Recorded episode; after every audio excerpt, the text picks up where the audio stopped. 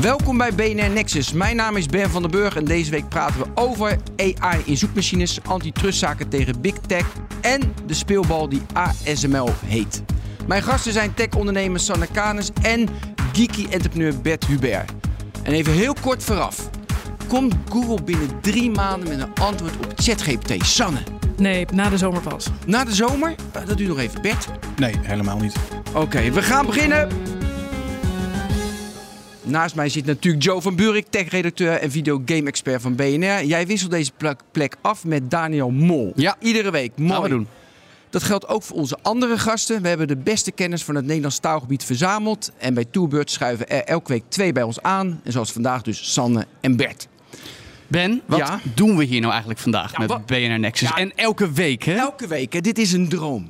Joe, dit Een is een droom, ja. een Ik droom. weet het. Want we gaan in het Nederlands taalgebied het belangrijkste technieuws. Want de verhalen van die week die gaan wij bespreken, duiden, analyseren. Wat we tot ons moeten nemen. Ja, en het is een aanvulling op wat we al doen, hè? Want we doen al veel met tech bij BNR. We hebben digitaal elke woensdag, we hebben elke dag de tech. We hebben de technoloog met jou en Herbert. Ja, de Cryptocast, All in the Game. Maar dit is het discussie- en inzichten programma podcast van BNR. Nexus. Ja, Elke donderdag om 7 uur in podcast hebben. ja, En van waar de naam? Ja, ja, dat is wat discussie geweest. Oh ja, Sander. Fijne vraag, Sander. Fijne vraag, wat een discussie. We kwamen er niet goed uit. Dus ja, eerlijk, we kwamen er niet goed uit. Dus toen kwam Connor, dat is ook een, ook een redacteur, die kwam met Nexus. Dus Ja. zeiden van, ja, topnaam. Maar, Bert, jij zou denk ik wel betekenen wat Nexus betekent. Ja, het is zo'n plek waar alles samenkomt.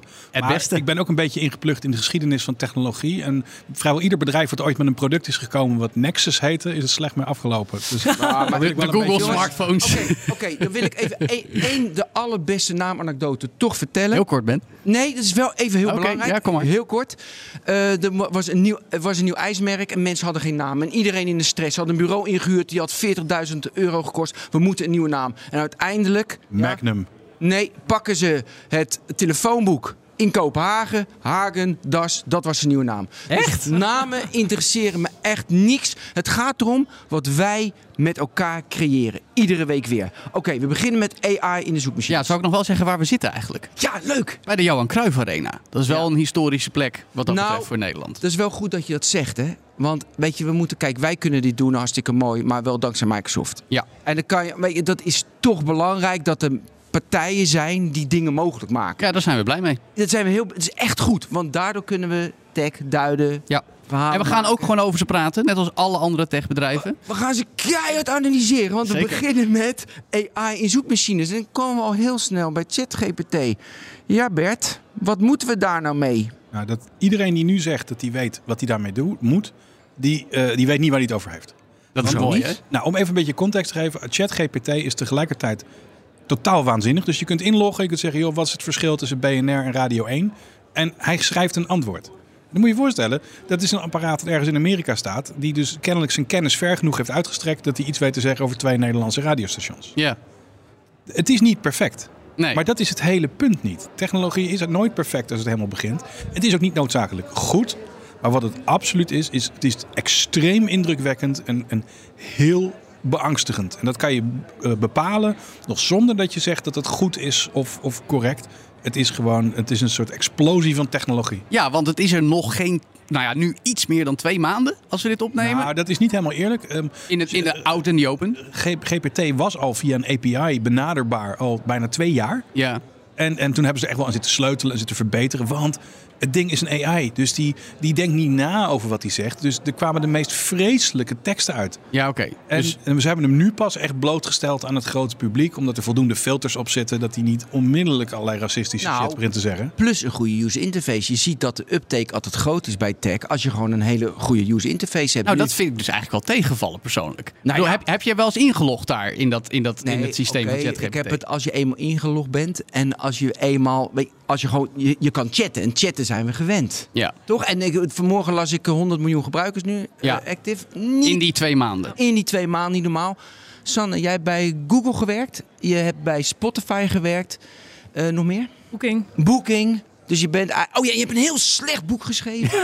Onlangs. niet, niet appen tijdens het eten. Dank je, Ben. Altijd leuk om een goede feedback te horen. Ma- Mag, mag je wel ChatGPT voor je laten praten tijdens het eten? Nou, ik ben heel blij dat we deze podcast niet zijn begonnen met... Nou, eh, de inleiding is geschreven door ChatGPT. Tuurlijk niet. Oh ja, dat is Dus, flauw hè, de ehm, laatste tijd. Dat deden we twee maanden geleden al. Ja. Precies. Ehm, maar ik ben wel heel erg onder de indruk. Ik ben heel, heel enthousiast over wat er nu kan en wat er nog zou kunnen. Ehm, eh, dus ja, ik juich het alleen maar toe. De, het onderwerp hadden wij heel een beetje ingestoken over in zoekmachines. Dat kwam deze week kwam naar buiten dat eh, Baidu. Ja, Baidu in, eh, in China die zegt dan van, nou, we gaan het snel in onze zoekmachines brengen. Net zoals de Amerikaanse media zeggen dat Google dat wil gaan doen. Dat Google code rood zou hebben gegeven. Dat Microsoft zo'n groot aandeel in OpenAI heeft. Dat ze daarmee bezig zijn. En Ja. natuurlijk ook dat Bing weet je, en ChatGPT, omdat Microsoft 10 miljard heeft geïnvesteerd in OpenAI en daarom ook in Bing. Jij hebt bij Google gewerkt. En waar ik als eerste aan denk, denk ik, ja, dat is wel leuk. Maar het businessmodel van Google is een klik. Want ze verdienen aan een klik. En als je gelijk het antwoord geeft al in de search results, ja, dan verdienen ze geen geld. Hoe kijk jij daarnaar? Dus inderdaad denk ik wel eh, een, een hoofdpijndossier voor Google. Want ik denk dat met Bing eh, het eindelijk een beetje aan de oppervlakte komt... dat Google gewoon heel goed is eh, in het creëren van tien middelmatige antwoorden. Ja. En dat Bing straks veel meer toe kan werken naar... oké, dit is het enige of een, echt een goed antwoord. Wat veel interessanter is, denk ik, voor de gebruiker... dan dat hij moet worstelen tussen drie pagina's... ehm, eh, eh, dat je gewoon eigenlijk gewoon middelmatige pagina's ziet. Dus ehm, Ik heb het over het businessmodel, hè? ja, Want d- d- dat, kijk, daarom vond ik zo briljant. was ook deze week aangekondigd. Eerst hadden ze 45 euro per maand. eh, Nee, voor- het, wordt, het, het premium 20, model hè? wordt Het 20 20, ja, precies, dollar per maand. Ja. Dus de sprake is over 45 Ja. en nu 20. Ja. Dus ze gaan dan zakken met de prijs en dan krijg je Ja. altijd toegang. En to- toch. Maar wat, wat, wat zeker, eh, je krijgt toegang, eh, gegarandeerde toegang, zo ook als de servers overbelast zijn. Je krijgt eerder nieuwe features. eh, en eh, eh, sowieso krijg je snelle reactie op Nou, je prompt. Maar wat Sanne zegt, kijk, met Google en eigenlijk met heel veel zoekmachines zijn we gewend. Je zoekt iets en je krijgt links. Nu is Google al een aantal jaar geleden, een ander ook begonnen met een alinea van die link ophalen en die al uitserveren. Met iets als ChatGPT krijg je in principe alleen maar alinea's. En misschien ook ergens een linkje. Wat, wat, wat willen we als we iets zoeken? Willen we tekst of willen we een link? ik denk eigenlijk wel dat eh, dat, dat verschilt per, eh, per gebruiker natuurlijk. Maar het feit dat eh, de- eh, er moeten ook wel gewoon meer ehm, eh, bronnen komen zijn... dat de gebruiker ook kan zien waar komt dit vandaan... en waar, eh, op welke bronnen is dit gebaseerd. Ik denk dat die toepassing nog wel een beetje mist. Ja, Nou, je kunt dat nu bijvoorbeeld zien in een andere zoekmachine die heet you.com. En eh, dat is een soort ChatGPT Lite. En die zijn erop voor gaan staan dat het apparaat veel meer bronnen geeft. Dat zegt van nou, ik heb het hier vandaan en je kunt daar verder lezen. Het is lang niet zo gepolijst als ChatGPT, maar het geeft je...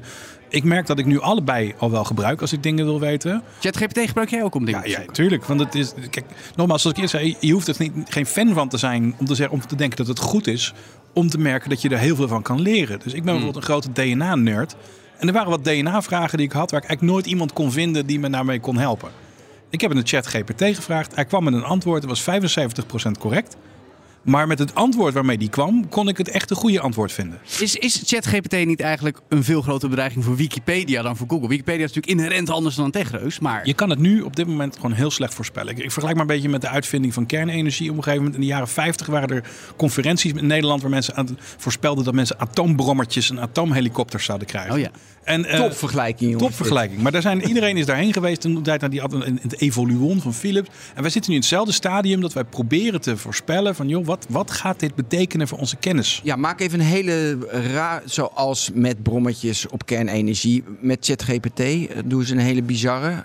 Je mag even nadenken, want ik wil even naar Sanne, ik wil even terug naar jou. Joe vroeg net, wat willen wij eigenlijk? Willen we dus dat ene boek, zoals Daniel Mol, onze redacteur die hier volgende week zit, dus vertelde, je wil dus Google één boek in een boekenkast? Of wil je ChatGPT? Ze pakken inhoud uit een boek, een andere inhoud uit een boek en dat brabbelen ze bij elkaar. Joe vroeg, wat wil de gebruiker? Jij bij Big Tech gewerkt. En toen Joe dat vroeg, dacht ik van... het gaat helemaal niet om wat de gebruiker wil. Ja, dat zeggen ze wel. Maar uiteindelijk, ja, eh, wat levert het meeste op? Is dat zo? Of, daar kan jij denk ik meer over zeggen, omdat je daar hebt gewerkt. Ik denk voor de gebruiker is simplicity gewoon natuurlijk key. Nee, maar jij vanuit Google. Ja. Is het Google echt alleen maar, dit wil de gebruiker, dit doen we? Of is het altijd die afweging, ja, het moet wel geld opleveren? Wat is jouw ervaring ermee? Nou ja, follow the user. En, da- en daar zit eh, de money uiteindelijk. Dat Oh, is wel. gewoon altijd wel het adagium. Dus Ja. Ja, nou, Eh, nou heb ik ook tegenover Google gestaan in de tech scene. En Google was misschien wel follow the user, maar er was altijd bij follow the user, zodat hij wel dwars door ons heen gaat. precies, En wij ja. op ieder willekeurig moment de kraan dicht kunnen draaien. Eh, dus ik, ik geloof echt wel dat ze geïnteresseerd zijn in wat gebruikers vinden, maar het zal altijd door hun heen moeten lopen. En wat Ben ook wel zei, het is nog niet makkelijk om te zien hoe je, als je een ding hebt dat jou gewoon het antwoord geeft op je vragen, zonder dat je allemaal advertenties hoeft te kijken op 23 verschillende websites, hoe ga je daar nou rijk aan worden? Ja, die oplossing is... Jawel, jawel. een paid model, toch? Ja. Ik bedoel, ik denk dat elke studentenhuis nu een ab- eh, abonnementje op ChatGPT gaat nemen, toch? Nee, dat Ja. sowieso. Maar Peet Maddo in, eh, in combinatie met eh, de advertenties. Maar ik zie, oké, doe ik heb gelijk 20 euro, prima. Maar dat is nog wel. Daarom hou- houdt Google het naar mijn idee ook nog een beetje tegen. Daarom vertragen ze het. Want het is een keiharde inbreuk in Absoluut. hun, Nee, ja, het, in hun het model. disrupteert gewoon die hele marktplaats. En hoe op, eh, eh, zij moeten ook gaan denken van... oké, moeten wij dan niet op een gegeven moment met een ander businessmodel komen... of het opschonen van die advertenties... dat het voor de gebruiker wel eh relaxter is... om inderdaad niet die tien pagina's door te worstelen. Dus Bert, heb je inmiddels al jouw eh, je kernenergie op een brommer eh, ontdekt? Met Nou, je nee, kijk, kijk, het doet me nu, iedereen die nu over zit te speculeren, het doet me ook wel erg denken aan iemand die een paard- en wagenbusiness heeft aan het begin van de Oh, ja. vorige eeuw. Die clichés. En die dan op een gegeven moment denkt van, joh, die uitvinding van die auto, dat vind ik echt geweldig, want dan ben ik sneller op kantoor. Ja, ja. En dan heb je heel, maar dan heb je, dan heb je heel eendimensionaal nagedacht van, joh, hoe gaat deze nieuwe uitvinding mijn leven verbeteren? Maar denk je niet na over het feit dat je hele business straks niet meer bestaat. ja. En we zitten nu te speculeren over zoekmachines, want dat is namelijk het eerste en het dichtstbijzijnde. Nou, we stellen normaal vragen aan Google, nu stellen we vragen aan ChatGPT. Maar een heleboel banen die wij hebben, zijn eigenlijk eh, ook best wel binnen het domein al van relatief matig intelligente computers te krijgen. En dat gaat de hele maatschappij eh, disrupten. Want iedereen die nu een beetje met machine learning handig is, die kan al dingen aan elkaar klikken. Niet dat die dingen goed zijn, wil ik gelijk bij zeggen. Die dingen zijn niet goed, maar ze lijken wel goed. En daarbij kunnen allemaal dingen zoals sollicitatiegesprekken Ja. of eh, eh, het eh, rankings van dingen of het bepalen van, van hoe gaat het met mijn studenten. Nou, dat gaan mensen allemaal in computers steken. Ja. En de banen die daarvoor nu bestaan, van de mensen die dat nu doen, die komen allemaal op de tocht te staan. Want zodra je een computer hebt waarvan iemand een demo kan geven, heel deze computer heeft net je hele studentenbestand doorgelicht. Dit zijn de vier probleemleerlingen. En maar dit zijn natuurlijk hele existentiële vraagstukken die Ha. opeens heel erg groot worden met AI. Ik vind het ook heel mooi dat sommige analyses beschreven de afgelopen tijd. eh, de ontwikkeling in AI ging jarenlang stilletjes aan op de achtergrond. Geld investeren, niet te veel naar buiten. En toen was DALI 2 er. En toen opeens ChatGPT. En nu heeft iedereen het erover. Want het is out there. En de ethische discussies die ook Microsoft zegt, die willen we graag intern voeren. En Google waarschijnlijk ook. En Meta ook. Die worden nu opeens aan plein publiek al gevoerd. En dat is een grote verbetering, hè? want dat we nu Op zich wel. direct, weet je, ethics by design, dat kan je flauw vinden, maar dat wordt direct genoemd. In jouw tijd hadden ze toen ook gelijk al bij ethics by design, totaal niet. nee, er was nul eh, oog voor ethiek eigenlijk. Het was gewoon product bouwen en ship it. En zorg dat je kwartaaldomein, eh kwartaaltargets haalt. En dat is het. Dus eh, Top zeg. Ja, Mag dat- ik dit een mooi bruggetje vinden, Ben? Ja? Nou, naar het volgende. Ja, volgende. Ja, Want Daar is Sander volgens mij helemaal in thuis. Sander, we- de volgende onderwerp willen we antitrustzaken tegen Big Tech. Want dat kwam door Google vorige week. En dat is echt, die hebben zoveel marktmacht in de digital advertisement markt. Echt, dat is niet normaal. Van iedere, als jij een, eh, eh, een publisher bent en je spendeert, eh, nee, je bent een adverteerder, je spendeert 100 dollar. Dan uiteindelijk heeft de publisher heeft maar 65 dollar. Dus Google pakt dan in de 35% in alle services die daartussen zijn. Daar is nu wat, wat nou ja, dus eh, in Amerika is dat nu een antitrustzaak geworden. Echt in detail gaan ze daar nu op in. Ja, wat vind jij daarvan? Ik denk dat het heel goed is. Ik denk dat een partij die en de supply en de demand eh, kant pakt, men ook nog een marktplaats daaromheen bouwt. Ja, natuurlijk waanzinnig slim, maar dat is eigenlijk wel van de gekken dat dit zo laat, zo pas nu wordt aangepakt. Eh, Hoe dus komt het dat het nu pas? Ik wil, lobby, misschien- de tech lobby. Dus eh, gemiddeld heeft een tech lobby ongeveer 100 miljoen per jaar die die spendeert per, per bedrijf. Dat is gewoon machtiger dan een tabakslobby. Ja. Dus eh, eh, zeker ook Obama's eh, hele presidentieelschap heeft daar niet in bijgedragen. Dat is altijd gewoon toch uitgesteld. En dat gaat van bil naar bil die eigenlijk niet dan wordt opgepakt. Dus de hete aardappel wordt dan doorgegeven naar de volgende regering. Ja. En nu de- pas met natuurlijk Biden die er kritiek op heeft en continu push is het, ja, wordt het behandeld, maar wel too little too late. Maar is dat omdat het besef er nu pas is? Want het is ook nog geen jaar geleden dat toen in Europa opeens heel erg gezegd wordt... nou, nu komen de DMA en de DSA, de nieuwe wetgeving. Dat we weten dat er vanuit de Biden-administration ambtenaren, hoge ambtenaren brieven schreven naar Europa van... hey, zullen we onze Amerikaanse techreuzen niet te hard aanpakken in Brussel? Precies. Dus het is een heel raar spelletje dat zowel de Amerikaanse overheid zelf... eh, denkt, nou, nu moeten we toch maar eens actie ondernemen... maar wel fluwelen handschoenen erbij aantrekt van tijd tot tijd. Precies, het is gewoon een wankel evenwicht omdat er zoveel belangen zijn. En eh, tech is ook de grootste donateur voor de regeringskandidaten. Dus dat hangt natuurlijk ermee eh, samen. Ehm, en het feit dat er natuurlijk ook weinig kennis bij de regering, bij onze overheid natuurlijk ook is, zorgt ervoor dat het gewoon heel lang en traag duurt. En dan denk ik ook daarnaast is het gewoon toch heel lastig dat het een global probleem is, een wereldwijd probleem is, wat we toch proberen in Europa en een beetje in Amerika eh, ehm, op, te lossen. Maar we moeten natuurlijk eigenlijk hier een wereldwijde council voor hebben of een comité eh, en ook Azië daarin betrekken. Ja, Want- maar, maar kan dat überhaupt? Kunnen we, kunnen we de overheden van de wereld verenigen tegen de macht van Big Tech? Dat lijkt me veel te veel gevraagd. Nou, ik denk wel dat dit iets voor, is op de agenda voor de Verenigde Naties. Het gaat natuurlijk Wow. om rechten. We gaan het heel groot maken. Ja. Ja, kijk, Nou, ik- dat denk ik wel. Het Ja, gaat echt om kinderrechten en voor de volgende generatie wat, wat ook zij eh, hierin eh, betekenen en hoeveel last ze kunnen hebben van technologie. Dat moet je even uitleggen, want dat je maakt het dus zo groot. Dus last tussen aanhalingstekens, want we hebben ook heel veel profijten van, van Big Tech. ehm, dat je zegt van dat is zelfs kinderen, Verenigde Naties. Eh, Kan je Ja. dat een beetje uitleggen? Want Nou, het zijn grote woorden. Dat zijn grote maar woorden. daar houden we wel heel van. Ja, Bij maar- Nexus vinden we fantastisch, vinden we dat. Ik denk als we, dit is echt onze blinde vlek, dat we nu nog niet realiseren wat er gebeurt met eh, de opslag van data. Als we kijken naar TikTok, waar alle kinderfoto's op staan die eh, honderdduizend keren worden gedownload, maar ouders zijn zich daar weinig van bewust. Ja, de, Echt een aanzienlijk percentage ver- ver- verdwijnt, of eh, nou, laat ik het voorzichtiger zeggen, kan verdwijnen op de dark web. Daar zijn gewoon heel weinig rechten nog voor gedefinieerd. En dat is gewoon een heel groot probleem. Daarnaast hebben we te maken met een generatie die allemaal gewoon half verslaafd is aan een telefoon. Waar, waar schermtijd opgelopen is in de afgelopen jaren. Dat zijn gewoon Ja. hele fundamentele problemen. Nee, daar ben ik het helemaal mee eens. Maar Bert, jij hebt van tijd tot tijd wat bij overheden gedaan met technologie. ja. Gaan we dit op het allerhoogste overheidsniveau, namelijk dat van de hele wereld?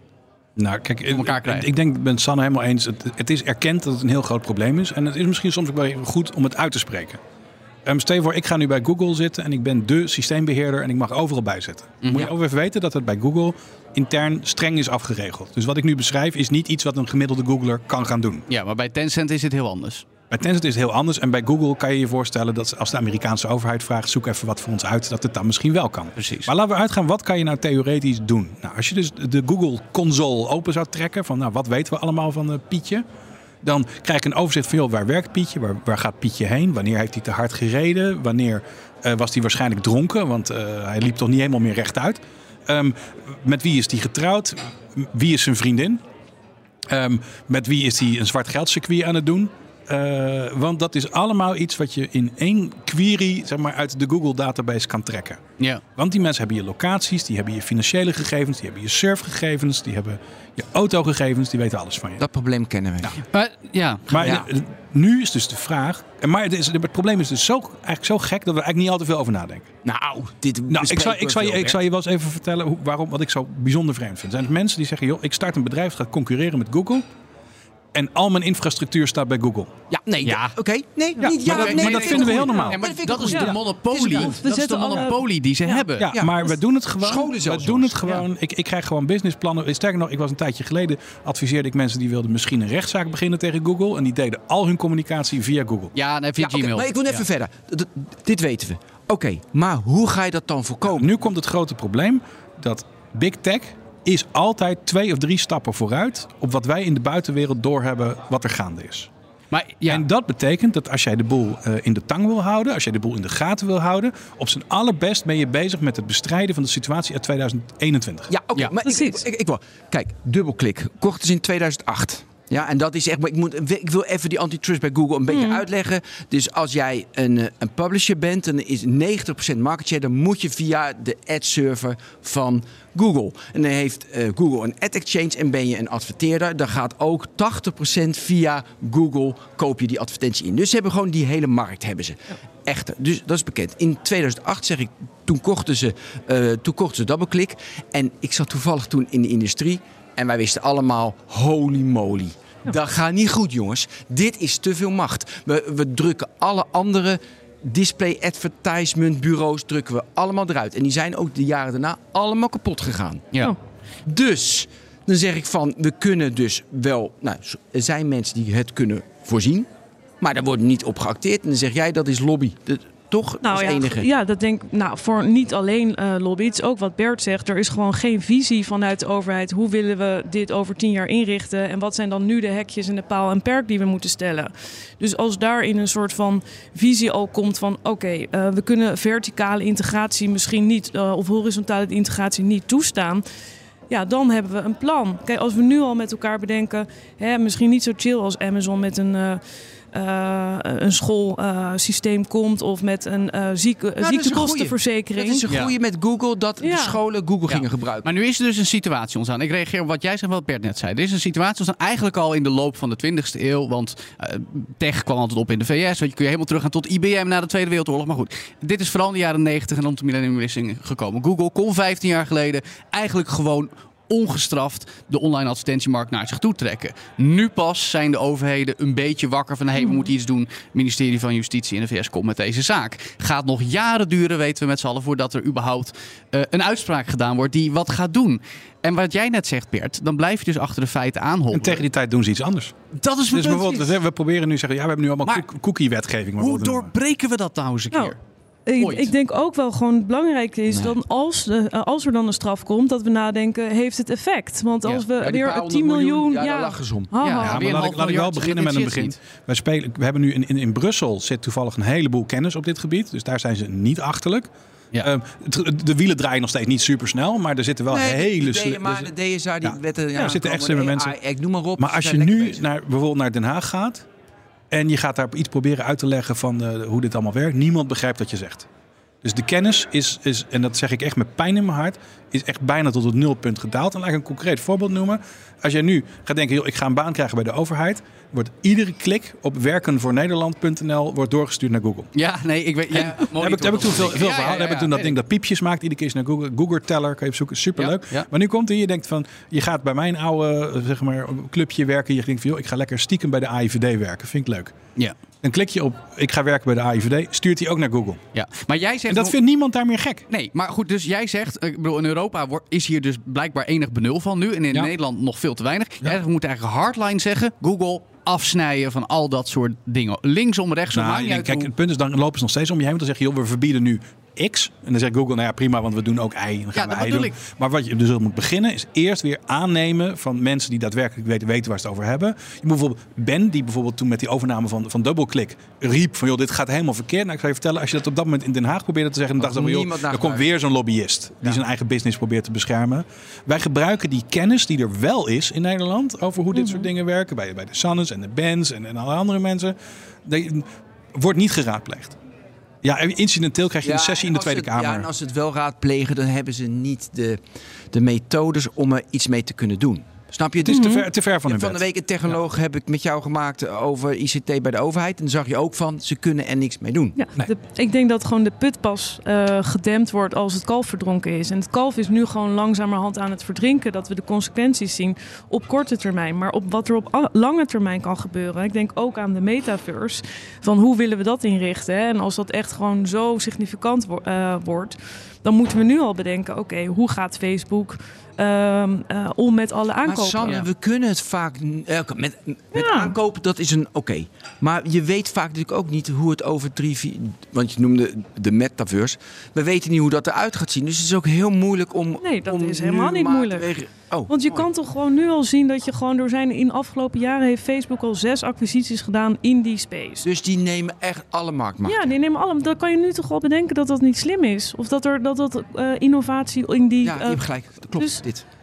Ja, dat is eigenlijk een no-brainer. Ja, en je kan toch ook bedenken als overheid dat verticale integratie gewoon niet slim is. Dus dat je alle eh, diensten die aan elkaar wordt gekoppeld, eh, dat dat leidt van wij van WC Eend leiden, eh, adviseren WC Eend. Maar- Wat precies het businessmodel van Amazon is. Dat kan je toch uittekenen? Nu ga ik heel even mijn favoriete dossier aanhalen. Want we hebben het ook niet heel uitgebreid hier Mooi vandaag een andere keer over de overname van Activision Blizzard Ah, door ja. Microsoft. Nou ja. Heeft Microsoft verder in dit geval niet veel mee te maken. Maar dat gaat wel om ook een mogelijk geval verticale integratie. Terwijl we hebben verschillende onderzoekers die zeggen... we hebben onafhankelijk onderzoek gedaan, gesproken. Die zeggen, juist als die overname wel wordt goedgekeurd... bevordert dat de competitie, bevordert dat de werkomstandigheden... en de innovatie in, in dit geval de gamesindustrie. En ook de bredere tech-industrie. Want dan kan Microsoft met Apple en Google aan de slag.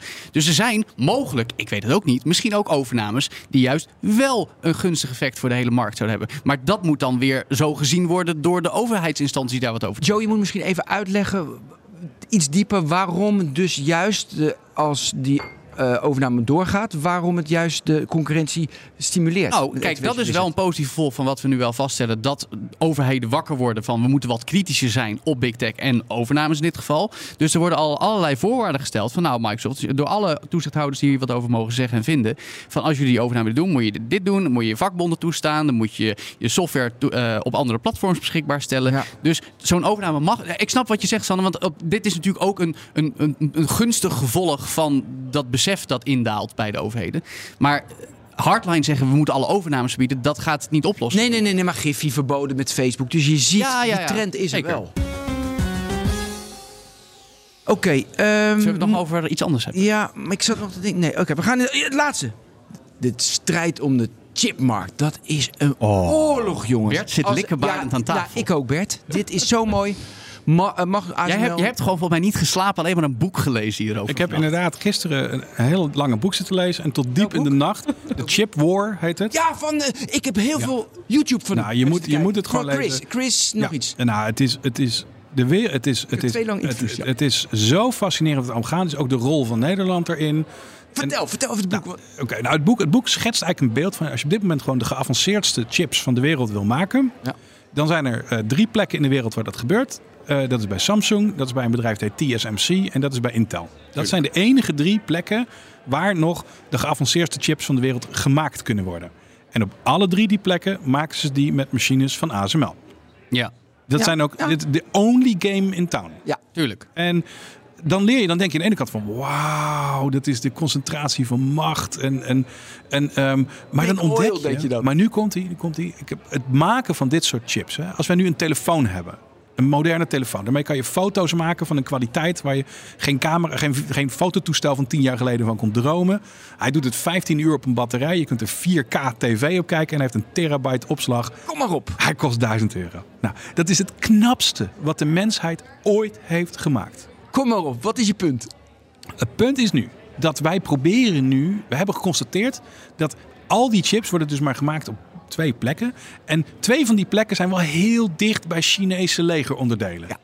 Vinden we heel eng. Echt heel eng. En China probeert natuurlijk de wereld een soort over te nemen. Die willen heel graag overal inzitten. En nu hebben we een soort laat, vrij laat stadium, hebben we nu ontdekt van joh, eh, we kunnen China nog tegenhouden. Want zij controleren niet, had, wist ik ook niet voordat ik dit boek was gaan lezen. Geavanceerde chips worden door China ingekocht en niet gemaakt. China kan daar geen zak mee. Nee. En al hun experimenten ermee zijn mislukt. Zij moeten al hun chips bestellen eh, in Taiwan. Ik wil even iets specifieker, want de meest geavanceerde 5 nanometer. eh en, OCD's. ja, en maar hoeveel, ja, hoe, hoeveel, eh, hoe groot, meest geavanceerd praat je dan over? Want in je iPhone is het zeg maar 5. Ja, nou ja, dat, je moet het meer zo zien. Er zit echt een enorme, enorm gat tussen wat ze in die drie fabrieken die ik noemde wel kunnen Ja. en wat ze daarbuiten kunnen. En als je dus, en het precieze procedé, of het nou 3 nanometer is, of 5 nanometer, of 7, of 14 nanometer, of 15, dat maakt eigenlijk niet zoveel uit.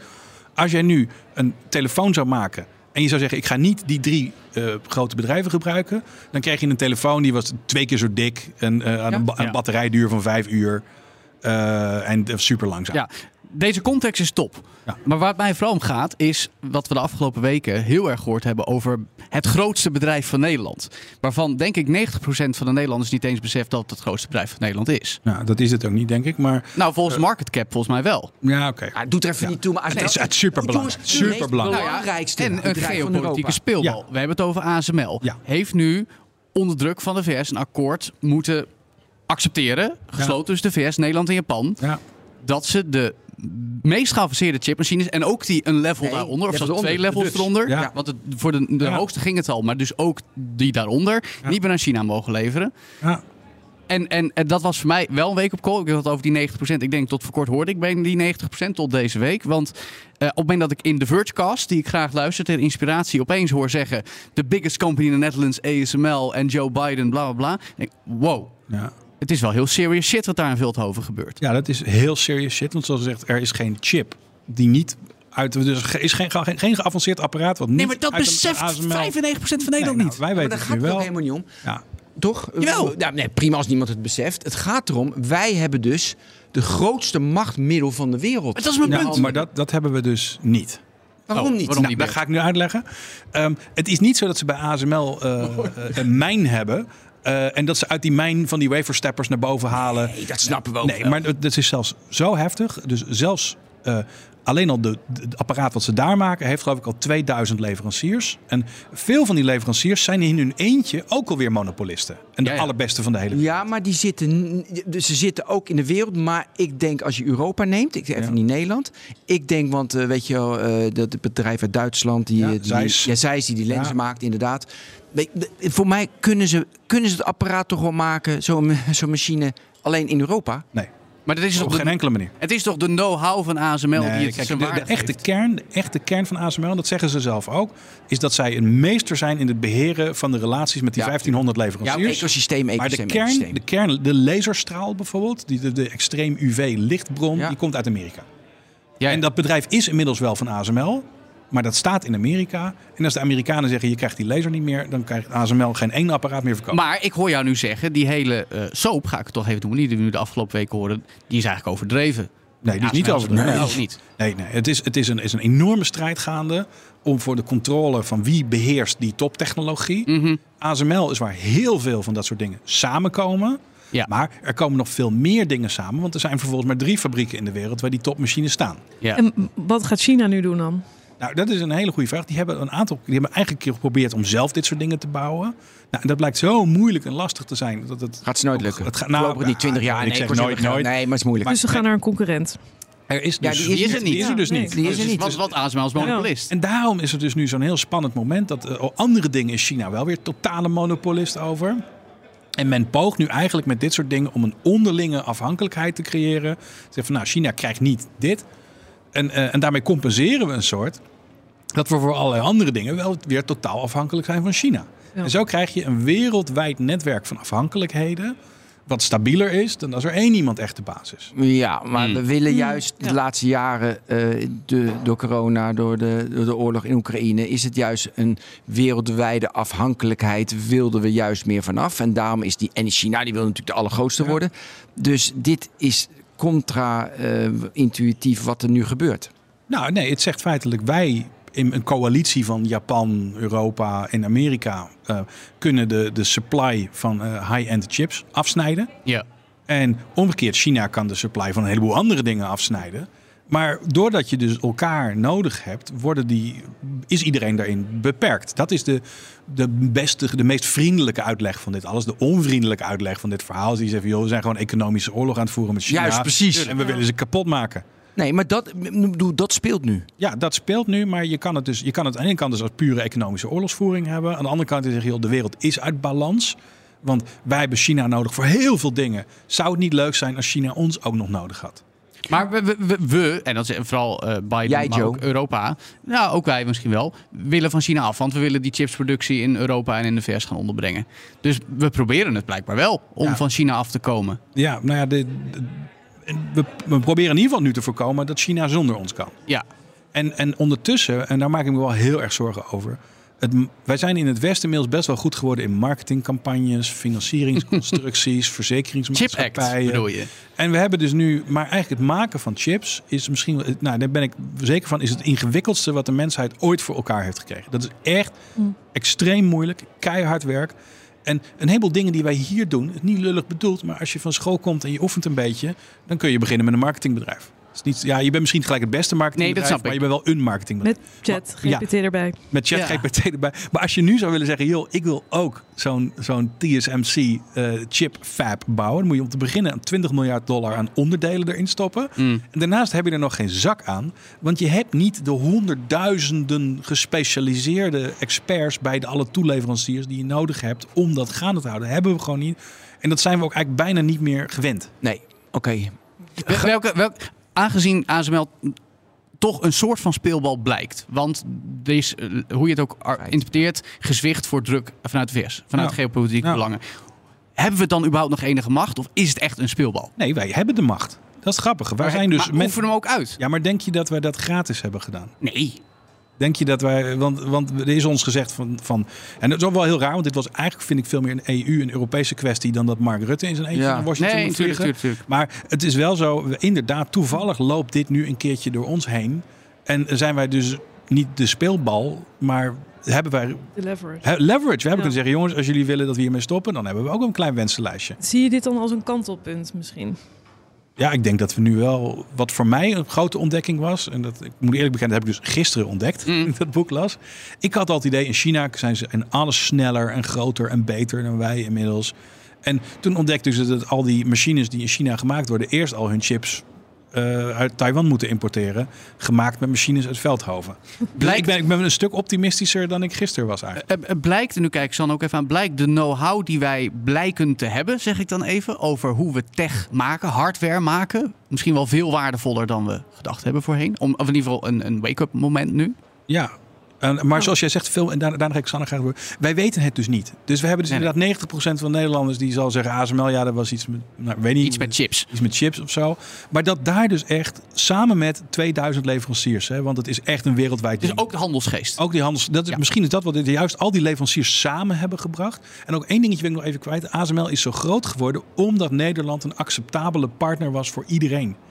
Iedereen had ruzie met elkaar in die chips. Zeker Japan. Japan heeft respect Japan, voor ja, Nederland. ja, maar Japan was een hele grote factor in. En toen op een gegeven moment Nederland had zoiets en, van, nou, die kunnen dat wel worden. En de andere grote koning op het gebied van chips, dat is TSMC in Taiwan. Hetzelfde verhaal. Die hebben zichzelf ook neutraal opgesteld. En zeggen, joh, wij gaan handelen. Verwacht van ons geen disruptie. Sanne? Ik, ik vind het interessant. Ik ben heel erg benieuwd wat de volgende stappen zijn van China nou ja, dan. dat is het inderdaad. Van gaan we gewoon kei, kei aandeelhouderswaarde of keihard gewoon ge, Nou, keihard nee, maar ik- ik bedoel spel ook- spelen. Juist omdat jij zo begaan met, bent met hoe kinderen bezig zijn met digitale technologie, eh, verantwoord bezig zijn, dus, dus eh, in je vrije tijd, maar ook in je opleiding. Ik zeg, we moeten double down op die kennel- kennis- en handelseconomie. Ja. We hebben iets eh, veel waardevollers dan we misschien beseffen. Nou, nu ga ik even een, verzekeren voor de toekomst. een Nexus momentje houden. nou, kom Ja. maar. Wat heeft op dit moment de grootste hoeveelheid transistors en chips nodig in de hele wereld? Dat is AI. Nou, Ja. mooi. Dus we zitten op goud. Kan dit hele eh, dispuut en deze nou, toch oorlog, dat ook, kan dat ook de technologische vooruitgang remmen? Of, ze, of ze, uiteindelijk zorgen ze wel... Ik bedoel, je hebt 2000 leveranciers. China wordt heftiger. China kan dat niet leveren, want die heeft TSMC het zou zomaar mis kunnen gaan. Er is bijvoorbeeld een scenario dat er een aardbeving optreedt in Taiwan. Ze Ja, hebben in Taiwan weg. nogal veel aardbevingen. Ja. En, eh, en daar is dus 80% van de top productiekwaliteit geconcentreerd. En als die allemaal in een, in een geleuf schuift naar een, eh, een aardbeving... Nou, dan, dan hebben we echt wel even een, een dingetje. En wat als nou een hardware provider zoals ehm, Google, hè, die besluit eh, om ASML op te kopen? Hoe, hoe mogelijk is, is dat, zou dat mogelijk zijn? Om al, al die chips lekker in die Android-phones te stoppen? Oei, oei, oei. Nou, als je dus in dat boek wat ik heb gelezen, dan zie je dat een aantal keren een Amerikaanse overheidsinstelling, de CFIUS, bijeenkomt. En die bepalen van, joh, is deze technologie strategisch zo belangrijk dat die verkocht mag worden aan deze investeerder of niet? En die heeft daar autoriteit over. En die heeft er autoriteit over. In Europa bestaat inmiddels ook zo'n regime. Nou, in Nederland ook. Met KPN is het ook gebeurd. Precies, maar dus het is mogelijk en ik, het lijkt me heel waarschijnlijk dat als nu dat ze dan zeggen nee, dat ga je gewoon niet doen. Ehm, maar de keerzijde is wel, en ik heb ook wel een keer meegemaakt dat de overheid zich bemoeide eh, met de verkoop van een van mijn bedrijven. De keerzijde is wel, als de overheid zich daarmee wil bemoeien, dan moeten ze ook wel gaan houden van die bedrijven. Dan moeten ze dus niet die bedrijven wegpesten. Bijvoorbeeld zeggen, joh, jullie gebruiken te veel water en allerlei andere dingen. Want dat is de chipsindustrie, ja, slecht ja, voor ja, het ja. milieu. En dan zul je zeggen, jongens, jammer. Nee, want die chips gebruik je weer voor zonnepanelen en voor windmolens. Denk groot, dus denk denk, groot. denk, Denk groot. groot. Ja, Jongen, wij hebben... Denk aan de toekomst. Hou van ASML. Precies. Nou, we zijn allemaal bewust. Dit was de eerste, jongens. Wat een groot succes. Nee. eerste BNR Nexus. Eh Sanne bedankt, Bert bedankt, Joe bedankt. Graag gedaan. Ben. Jij bedankt. Ja, nou, heel graag gedaan. Iedere donderdagavond een nieuwe aflevering. En we gaan nog jaren door. De beste en nieuwe inzichten in de wereld van tech. Dank u wel voor het luisteren. Tot de volgende week.